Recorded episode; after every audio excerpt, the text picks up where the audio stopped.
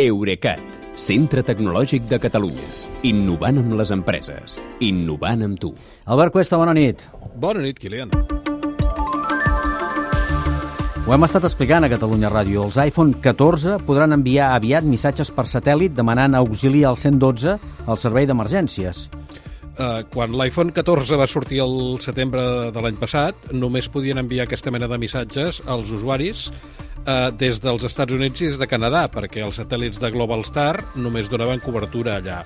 Però, eh, de fet, tots els iPhones 14 que es venen al món porten l'electrònica i les antenes que necessàries, i a mesura que Global Star ha anat ampliant la cobertura, en part gràcies als 450 milions de dòlars que, la, que Apple hi va posar, el servei ha anat arribant a altres llocs. Al desembre el van activar al Regne Unit, a França, a Alemanya i a Irlanda, i per tant era lògic pensar que acabés arribant també aquí. Jo, en tot cas, el que suposo és que no ho farà només a Catalunya, sinó a tot l'Estat, perquè que jo sàpiga, Apple mai ha activat fins ara cap servei a escala regional.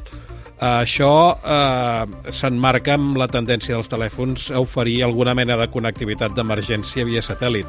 Ahir, eh, potser ho recordes, parlàvem dels mòbils Bullet, que porten el nou xip de MediaTek, i Qualcomm ha presentat al mobile el seu propi xip compatible amb els satèl·lits Iridium d'òrbita baixa i ha assegurat que les marques Oppo, Vivo, Xiaomi, Nothing, Motorola i Honor totes amb Android, és clar, trauran mòbils amb aquesta funció abans de que acabi l'any. Una altra marca que té ja mòbils per satèl·lit és Huawei, però només a la Xina.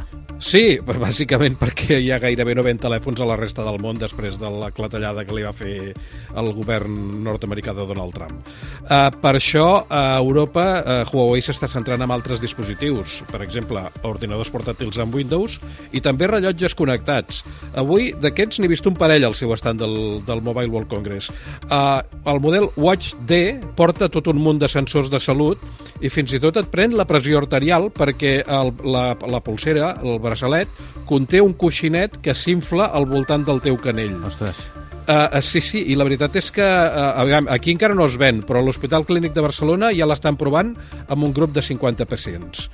De tota manera, el rellotge més pintoresc de Huawei és un altre. Es diu Watch Boots, i té una, té una esfera rodona relativament grossa, de 47 mil·límetres, però és que a sota amaga una sorpresa, perquè s'aixeca per treure uns petits auriculars de botó que porta dins, i aquests auriculars eh, es carreguen sense fils amb la bateria del mateix rellotge i tenen fins a 4 hores d'autonomia.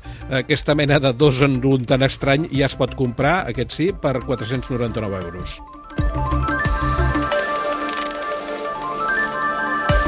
Això ho has vist a la zona exterior de l'estand de Huawei, el més gran del mobile. Després dius que has entrat a la zona d'accés restringit, que a Twitter en deies la ciutat prohibida, i has vist la que serà la 6G. Sí, de fet, eh, una altra, hi ha una altra ciutat prohibida al, al Congrés, que és la d'Ericsson. Eh, I tant eh, Huawei com Ericsson, amb aquestes zones restringides, estan ensenyant els primers prototips de xarxes 6G que de fet no està previ ni previst que comencin a funcionar fins l'any 2030. Uh, però cada fabricant uh, fa la seva proposta tecnològica amb l'objectiu de que aquesta tecnologia s'incorpori en un estàndard que encara no existeix i puguin acabar cobrant-ne uh, royalties per les patents.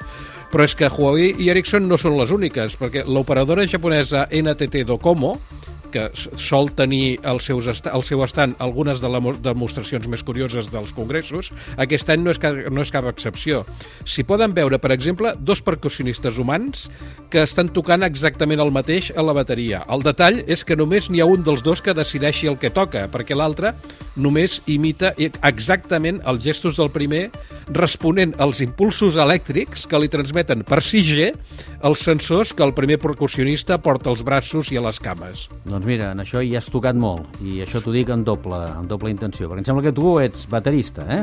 Sí, molt aficionat, eh? Però eh, prefereixo tocar-lo jo, a no que em, que em vinguin petites descàrregues elèctriques que em facin bellugar els braços. S'entén, s'entén. Bé, doncs demà més. Que vagi bé, gràcies, bona nit. Bona nit, Kilian, fins demà.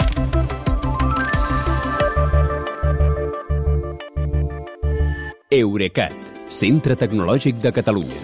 Innovant amb les empreses. Innovant amb tu.